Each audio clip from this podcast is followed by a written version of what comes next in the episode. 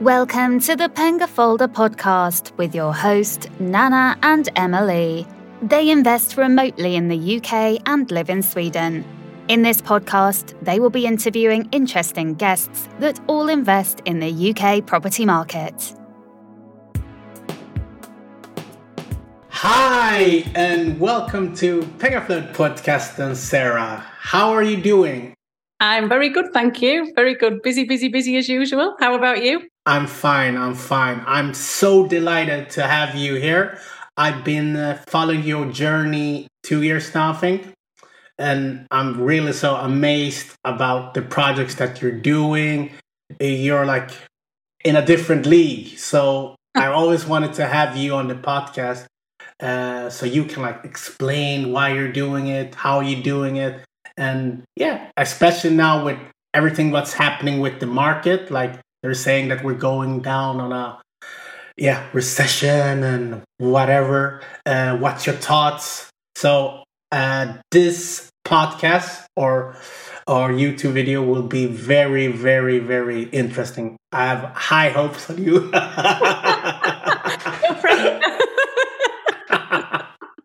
Thank you. It's great to be here, and I know it's taken us quite a lot of coordination to finally get this dating. We've been trying to arrange this for a while, but yeah, my schedule is rather hectic at the moment. You know, we do tend to have quite a lot on the go. Um, and you know, you, you, said you've been following me for two years. That's lovely. Thank you. We actually only started up about four years ago, um, just over four years ago, and it has been, you know, quite a whirlwind getting from there to here um, we've grown very quickly. And, you know, the, the motivation for getting into property in the first instance for me was just, um, you know, that, that mythical thing called passive income, which I haven't yet discovered, I must say. it remains at the moment and it's not actually passive for me right now but i think that's just because i've branched out into doing lots of other things like mentoring and training and whatnot um, but yeah i just wanted to be in complete control of my own destiny um, I was actually I was self-employed before this anyway. I was a private investigator before property, but oh. yeah, a little bit different. Um, but I was still working, you know, under other people's authority. I was, you know, signed up with several agencies, and you know, I had to go there and do what they wanted me to do at that time, and blah blah blah. And let people know when I wanted to go on holiday, etc. Um, and I'm a bit of a free spirit at heart, and I just like to, you know, um, do what I want to do when I want to do it. Um, probably the worst person you could possibly try and employ. my teacher actually wrote in my school report, Sarah is like a wave. Don't even attempt to type down. it's still very much the same. Um, but yeah, I just wanted to be in control of my own destiny. I didn't want to have any limits. I didn't want to have any limits as far as income is concerned or as far as achievements are concerned. Um, and I think going into property is a really, really good way to be able to do that because, you know, the, being in property investment is very lucrative, can be very lucrative if you're following the correct model and doing it right. Um, you know, and one day when I was um, listening, to, I was um, on a private in- investigation job, on a surveillance job, sat outside somebody's house for eight hours, waiting for some dodgy bloke to come out, like to film. uh, while I was there, um, I was listening to an audiobook and it was called Money, and the book was written by Rob Moore. And I listened to that, and that was my real inning into property development. Uh, you know, I've always been very entrepreneurial and was very into wealth building and, and bettering myself in any which way possible.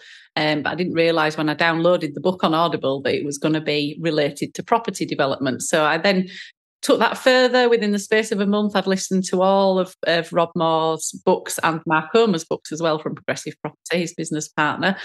And then I contacted Rob and I said, Oh, you know, I'm a private investigator and I've been listening to your audiobooks um, while I'm doing surveillance jobs, which he thought was hilarious. And said, Oh, we'll come down, you know, come down to one of our events. So I went down to their multiple streams event and it was it was really eye-opening because I just, I suppose, not being from the property world, I just didn't realise how many people were in that space, you know, but when we got there, it was, you know, beautiful community of people all very like minded, all just wanting to get out of their jobs, do better for themselves, change the world in some way, um, you know, be able to build an empire so that they can, you know, donate it to various charitable causes and help people. And that really resonated with me because, you know, money's great, but it's not the be all and end all. And it's nice to be able to have lots of money so that you can help people as well. Um, so I thought, wow, this is it. So me and my husband decided very impulsively to both quit our jobs. So we had no income at all. We spent £50,000 on credit cards on training courses with Progressive. Um, took a complete leap of faith. And by the way, I'm not suggesting that anybody else should do this. Um, not a very financially responsible thing to do, especially when we had a house to pay for and two kids to pay for.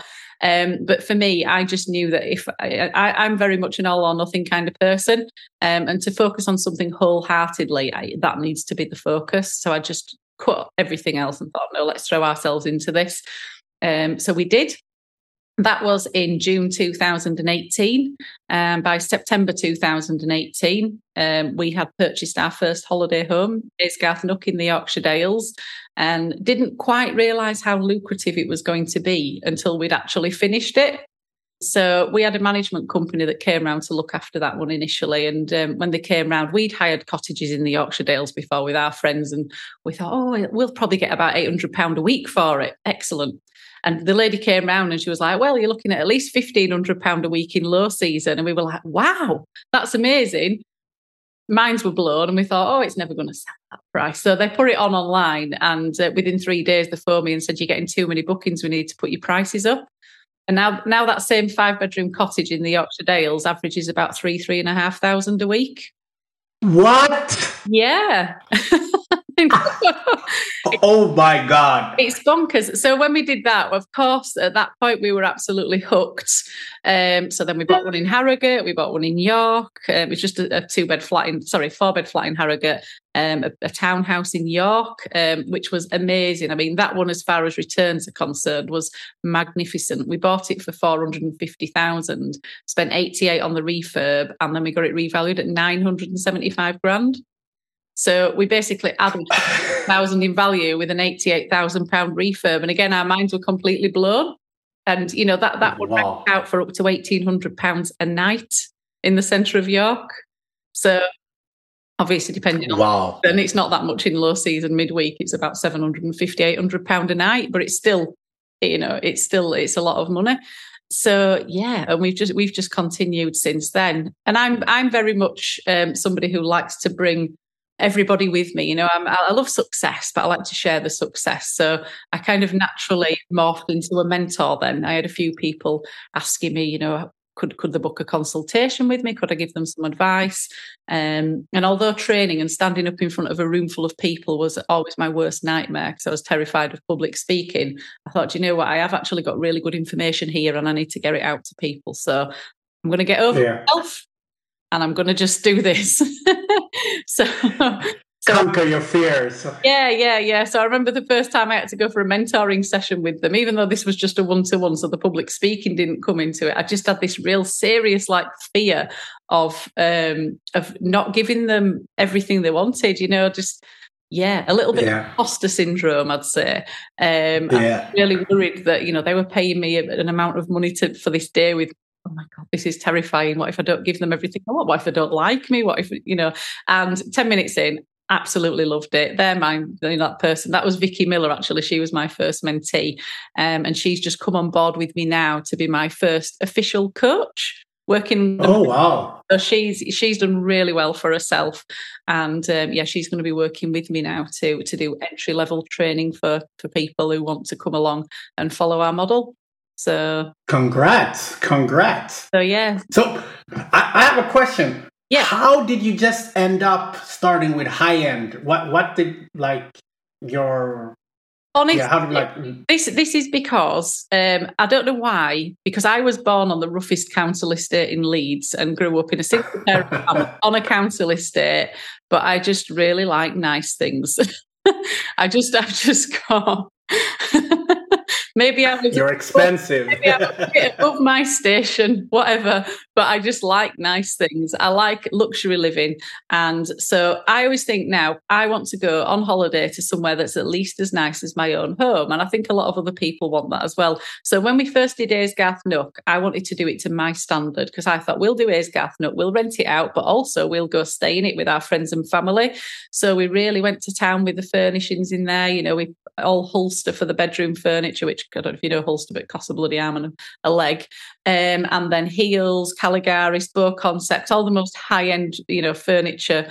Wow. Um, departments that you can find you know we furnished the, the property fully with those things so it, it cost a lot of money but it looks blooming fabulous and you know that's what makes it stand out you know Yeah. there are a lot of people who also want to go somewhere gorgeous especially now that you know social media is you know everybody's world. People live on social media. So when they arrive at their nice holiday home they want to take fabulous photos of themselves and put them all over instagram. They want to show people what a luxury lifestyle that they're leading for that week or that few days in this place. They want to show people how fabulous they're you know they are for for being there which is great. Yeah. that's, that's wonderful. They don't want to show pictures of themselves in um, in a in a skanky cottage with some furniture that looks like it's been passed down from somebody's um, you know recently departed grandmother you know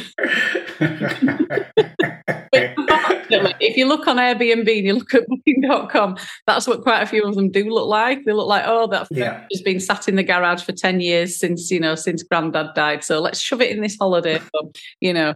That's that's kind of very old school mentality, but unfortunately, well, fortunately for us, but unfortunately for a lot of people, that's what they're yeah. It, it, you know and it's it's not good. Our clients we have a lot of high net worth clients we have celebrity clients and they want to book somewhere wow. beautiful you know. Um, they might book a really high end hotel or they might book our places. They're certainly not going to be in the market for somewhere that's a bit scruffy and damp. Yeah. so so it's just and, and the other thing as well is you know going for that market you've always got a customer base there. People are wealthier than they've ever been but also um, people have got higher standards and people at that level are less likely to be affected by economic changes. Mm, so that so that, yeah. that market is always there. Um, and also you know with sort of high net worth clients they take several holidays a year. It's not just that they've got one family holiday a year. They go abroad a couple Yeah. of times and stay in the uk for several staycations as well.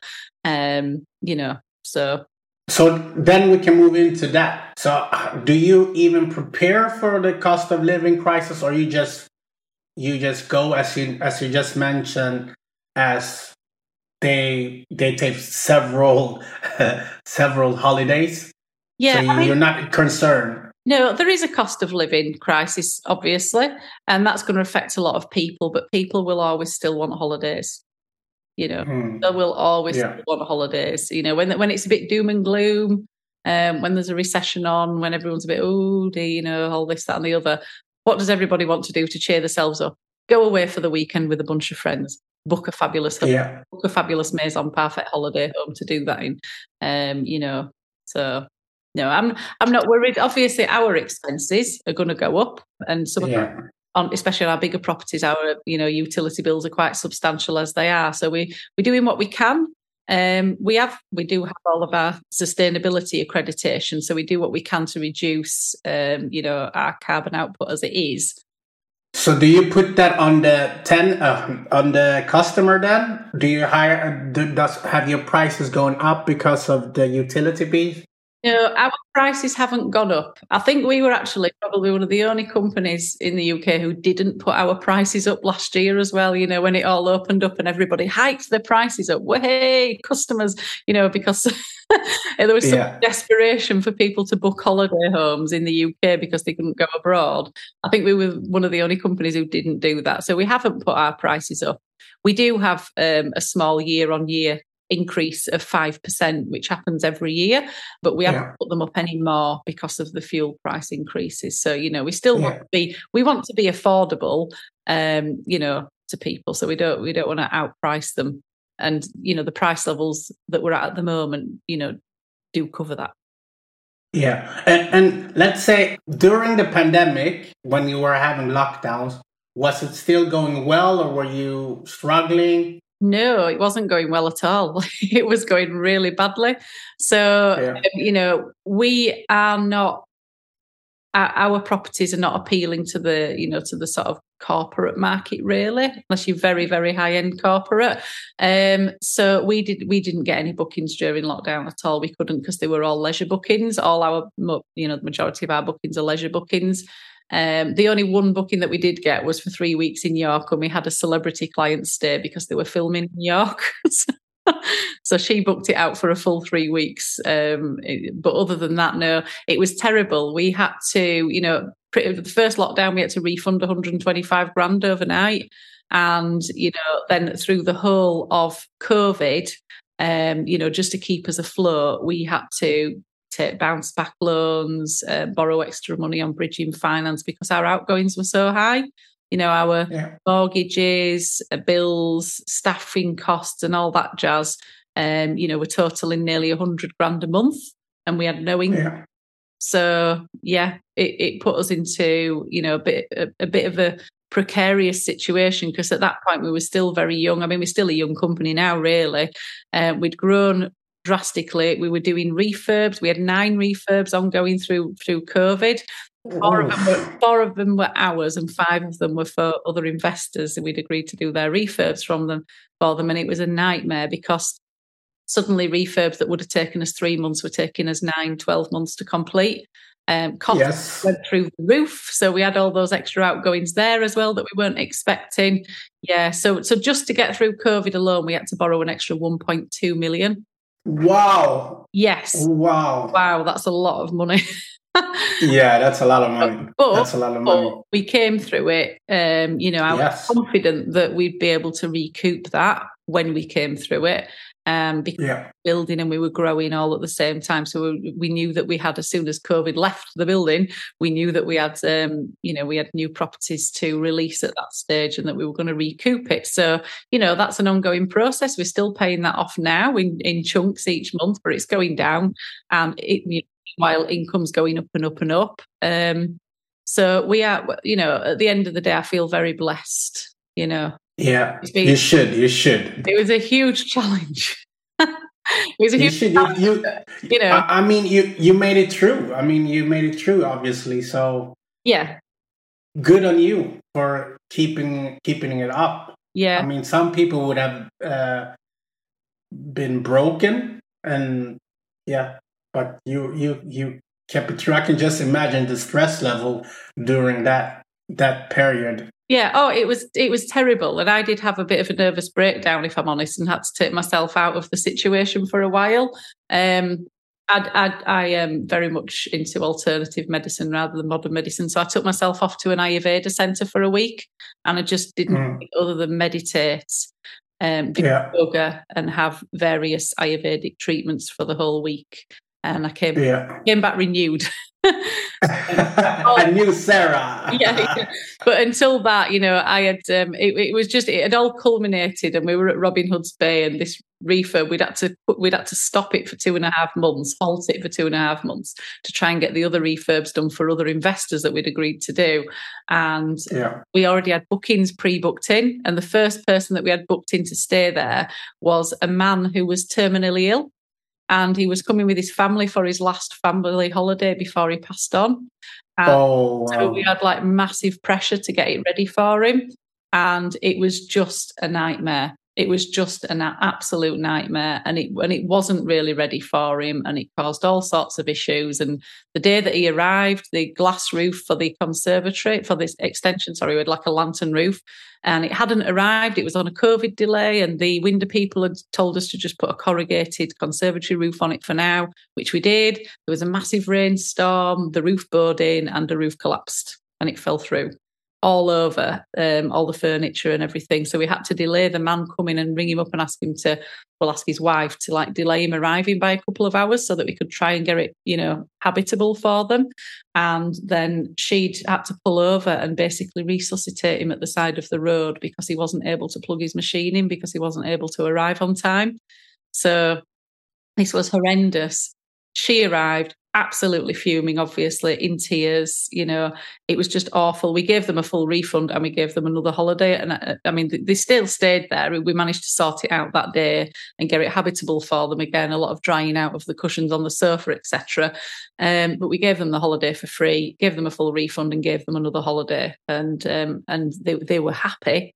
But my God, my nerves were absolutely shot to pieces by that yeah. that stage, and it was just like, oh, you know, I've never been like that before. Um, but you can yeah. imagine that that was just one of the nine that I had ongoing at the time. And what that taught me was, firstly, never make yourself available to do refurbs for other people. because I would have only had four, not five, not nine.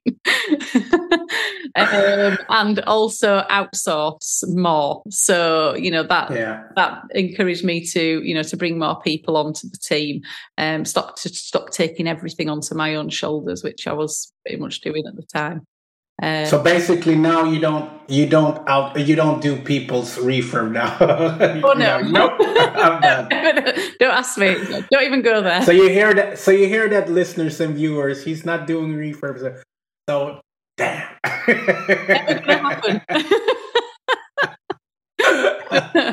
Definitely not. So, uh, yeah, I mean, we do we do still source property for other people, but we don't we don't go near the refurbs. It's just um, it is the most stressful part. I think, you know, people when they're first starting out, they think, oh God, raising investor finance, that's going to be so difficult. That's so difficult. I can tell you, raising investor investor finance is the easiest bit. The most difficult bit is the refurb, you know, handling yeah. bids teams.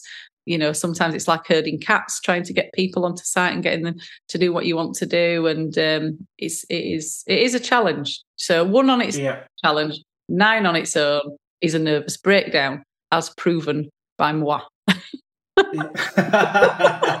so, so I, I know maybe you're a bit biased on this question. Yeah. So do you just suggest people to start that uh, like the luxury end instead of normal uh, buy to let? Uh, and yeah. Yeah, absolutely. I mean, I've got some buy to let properties. When we first started, um, you know, we did buy a buy to let and then we bought a HMO and then we we'd bought them two earlier in the year before we'd even gone to progressive just after reading the books and that you know I've, I've got a couple of buy to lets now from houses that I've moved out of and never sold but they're just not very lucrative they're just not yeah. do a lot of work so one of my mentees they they've just purchased their first big serviced accommodation property um, you know, under my wing and following our model. And that one property, which they're going to convert into five small apartments, that's going to net them £13,000 a month. So that's one property net income £13,000 a month. We calculated that in their area where, where they're buying that, if they wanted to do buy to let to cash flow the same amount, they'd have to buy 68. So, wow. a choice. You can do one six month renovation project and change your life in one in one fell swoop, or wow. you can do 68 buy to lets, which is going to take you many years to do and uh, a lot more, yeah. you know, a lot more stress with all those refurbs. Um, so yeah. that's why I don't recommend buy to lets. And that's, you know, the, there's lots of other serviced accommodation models. There's contractor level, there's rent to rents, there's all sorts of things. And again, they're just not that profitable. Rent to rent, I think, can be quite dangerous. Some people have come to me for mentorship when they've already got a rent to rent portfolio and you know yeah. them are doing very nicely out of that you know and good for them. But i have seen instances where well quite a few instances where the landlords want the properties back. So you've spent some money you've jazzed it all up it looks fabulous and now the landlord wants to sell it because you've added value to the property. Or they want to do they themselves so they want it back because you've given them the idea and you've done the property up for them. Um, i've yeah. also seen the flip side. One of my mentees had 47 uh, rent to rent houses and um, when she came to me, I didn't realize, but she had most of them rented out to the same contracting firm all the time. The contracting firm went bust. So overnight, she became she ended up in a twenty thousand pound per month deficit against her rent bills.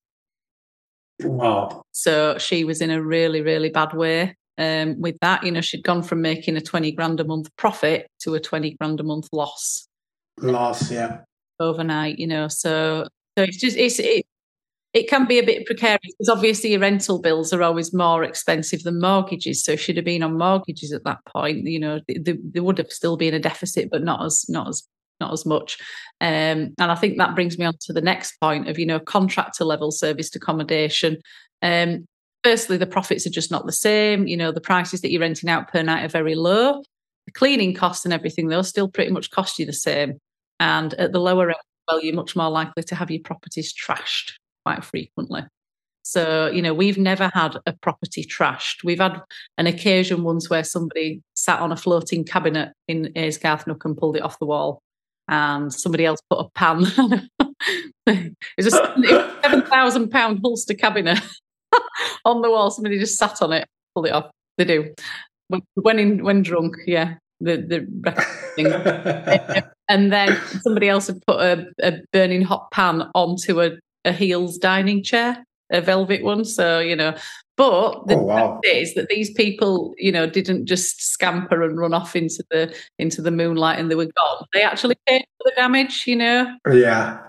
So, you know, yeah. managed to recoup the costs. Other than that, we've not had anything. Obviously, you get people breaking glasses and things, which we don't charge them for. We don't try and chase people for yeah. in a glass when they've spent thousands of pounds to stay there. It's, you know, that's just, you know, the nature of the beast. These things happen.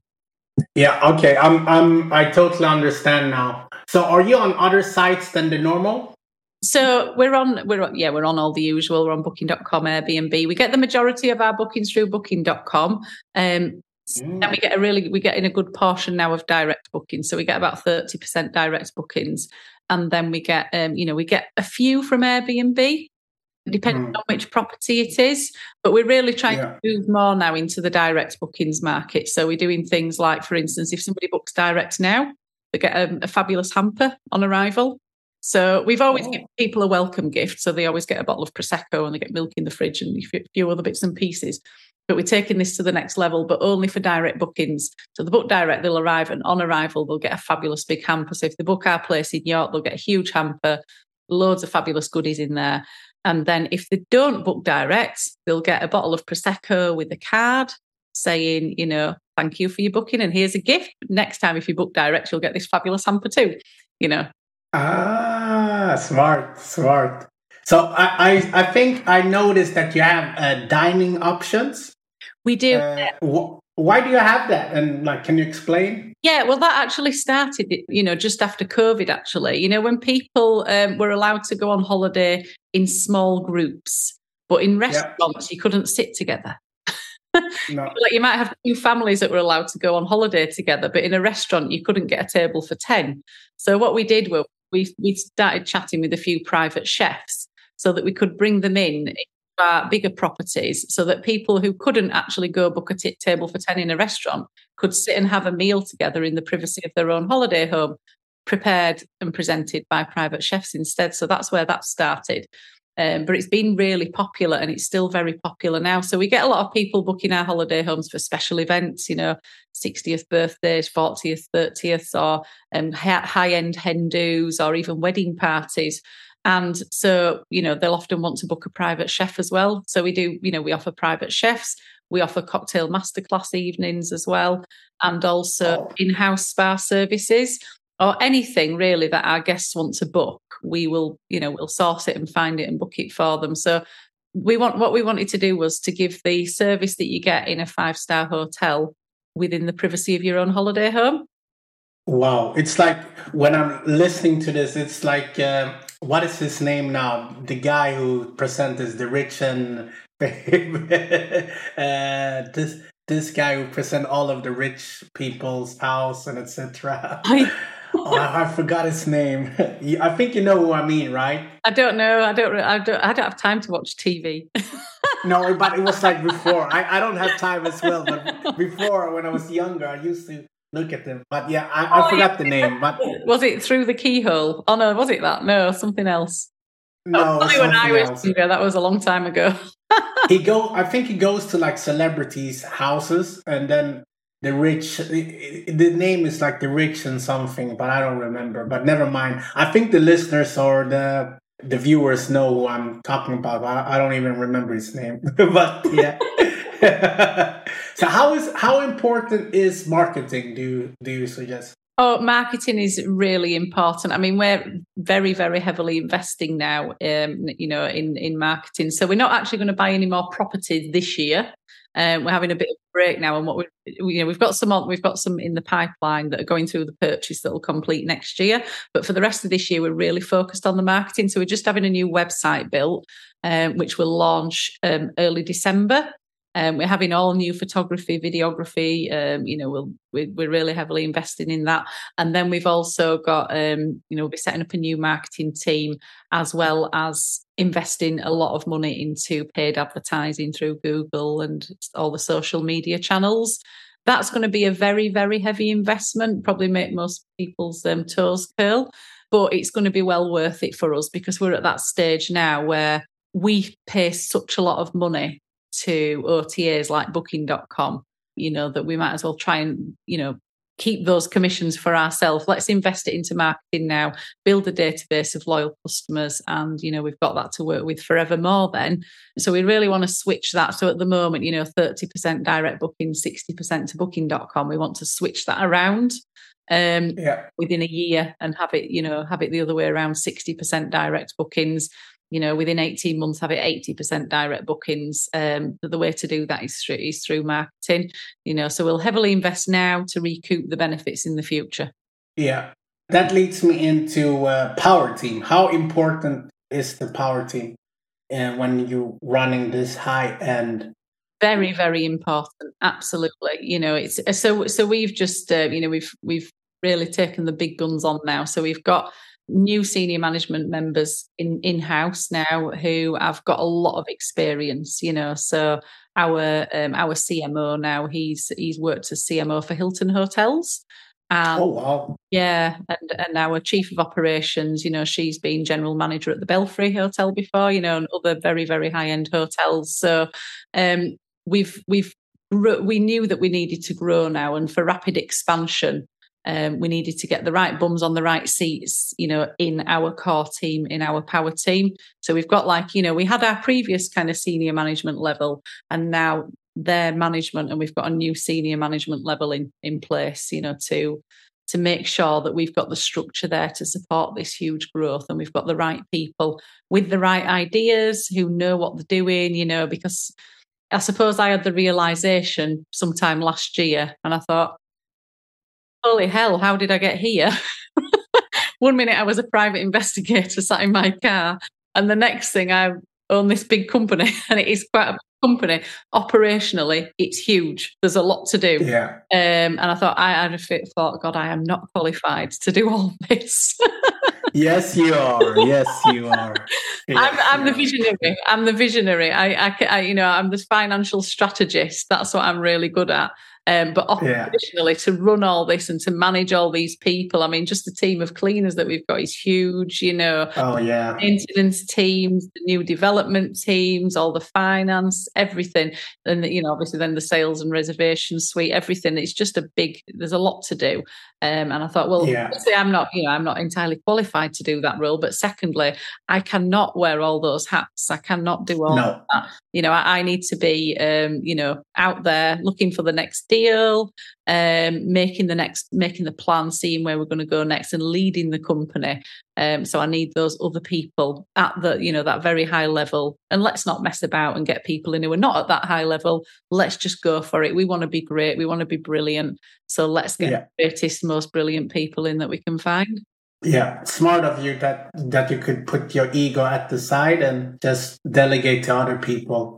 Yeah, because that, that that can sometimes be like some uh, someone's uh, hurdle, you know, because they're like, oh, I need to hear have all the hats yeah, no, that's it. People do, people often do that. A lot of my mentees struggle with that, and I, you know, one of the first things I always tell people to do, sometimes even before they've bought a property, is take somebody on. Just take somebody on part time. They can be doing your property sourcing, they can be filling in financial applications, all this kind of stuff. That you can be going out there and dealing with the bigger picture stuff. You know. Yeah. So how is the as you have so big margins in the high end? do you need to have like you know a big occupancy level? Like if you compare to normal SA, they usually say, oh, you need to be around fifty percent to break even, or yeah, you know what I mean? Yeah, yeah, we base our occupancy levels when we're doing a new project and, you know, first year projections, we project 58% occupancy. So we'll always be very profitable at 58% occupancy. Otherwise, we won't touch it. We won't do the deal if it's not going to, you know, do that. So we're aiming for 70% occupancy um, in the second year.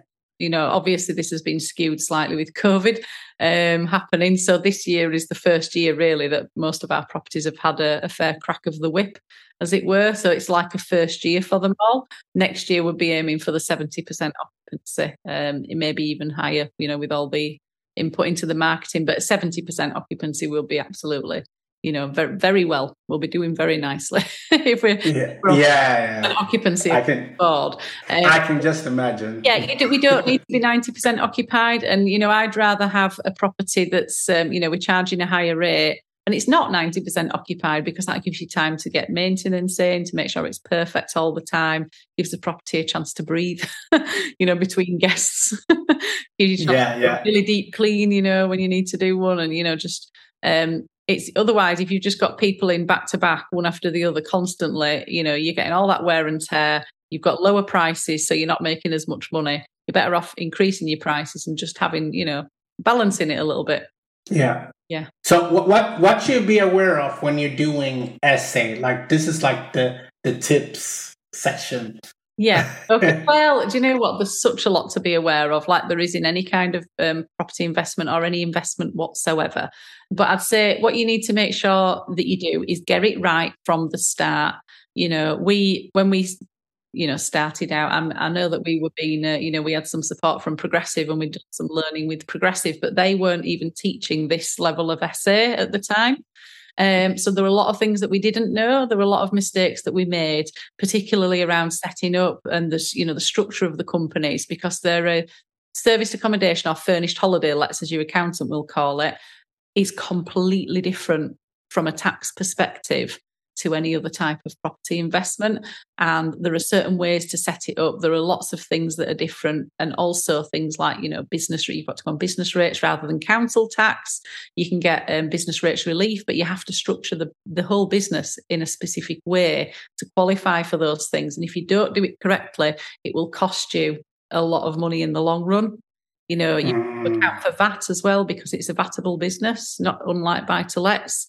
And again, you know, if you structure it correctly, then you're gonna, you know, you're gonna minimize um, your VAT as well. So, you know, it's yeah. it comes down to getting the right advice from word go and making sure that you set it up correctly in the first instance, you know.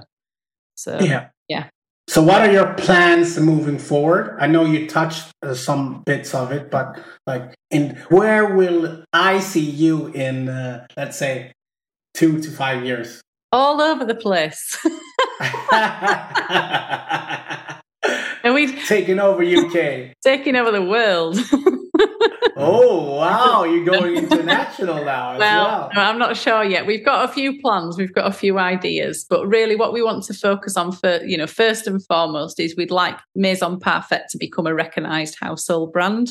So there are no um, known um, holiday home brands really. There are you know there's there's hotel chains like hilton and malmaison etc and there are management companies like sykes cottages and cottages.com but there are no known holiday home brands out there um, that are really big um, really recognizable so we'd like to you know we'd like to lead the way there and become you know become well known you know become independent from the from the online travel agents. And um, you know just just get it out there to everybody so that yeah we'll be yeah. I, I, think you you you uh you're gonna tick that box and it will be very very interesting to see the journey yeah. like delightful so i have uh two questions that i always ask my guests. Okay.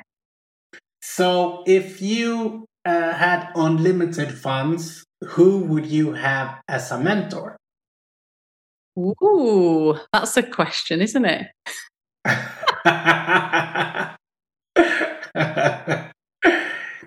Who would I have as a mentor with unlimited funds? Oh, I don't know. Madonna. Madonna. Madonna. Oh wow. Why? Why Madonna?